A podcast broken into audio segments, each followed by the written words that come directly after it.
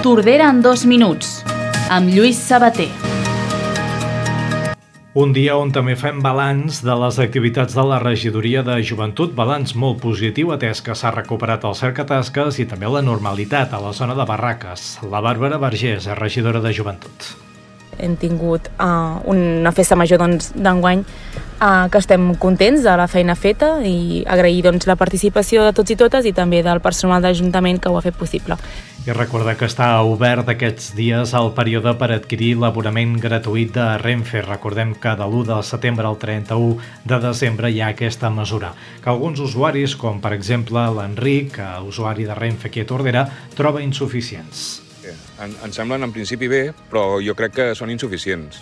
Vull dir, ja posats, no caldria deixar una fiança, vull dir, obrint la, les barreres ens estalviaríem problemes.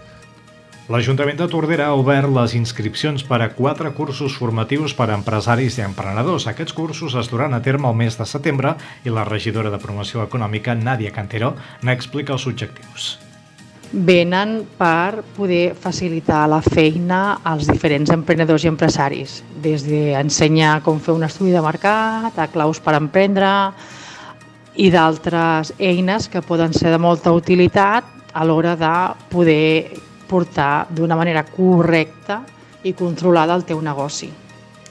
El govern ha anunciat ajudes al lloguer per als joves que s'han quedat fora del bo estatal. S'hi destinaran 29 milions d'euros i es preveu que arribin a uns 14.000 joves.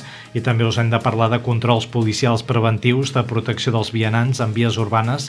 Trànsit coordina durant tota aquesta setmana l'acció amb les policies locals. L'any passat es van imposar més de 3.000 denúncies a tot Catalunya. I l'Ajuntament replanteja l'exterior del pavelló dels països catalans amb elements biosaludables saludables i inclusius. Ho explica la regidora d'Obres i Serveis, Bàrbara Vergés. I bé, vam fer aquest replanteig d'aquesta zona, doncs, ja que era una zona doncs, passiva, que era un parterre no, jardinat, doncs fer una zona que, que tots en puguin fer ús. Pel que fa al temps, avui temps estable i assolellat i temperatura sense canvis.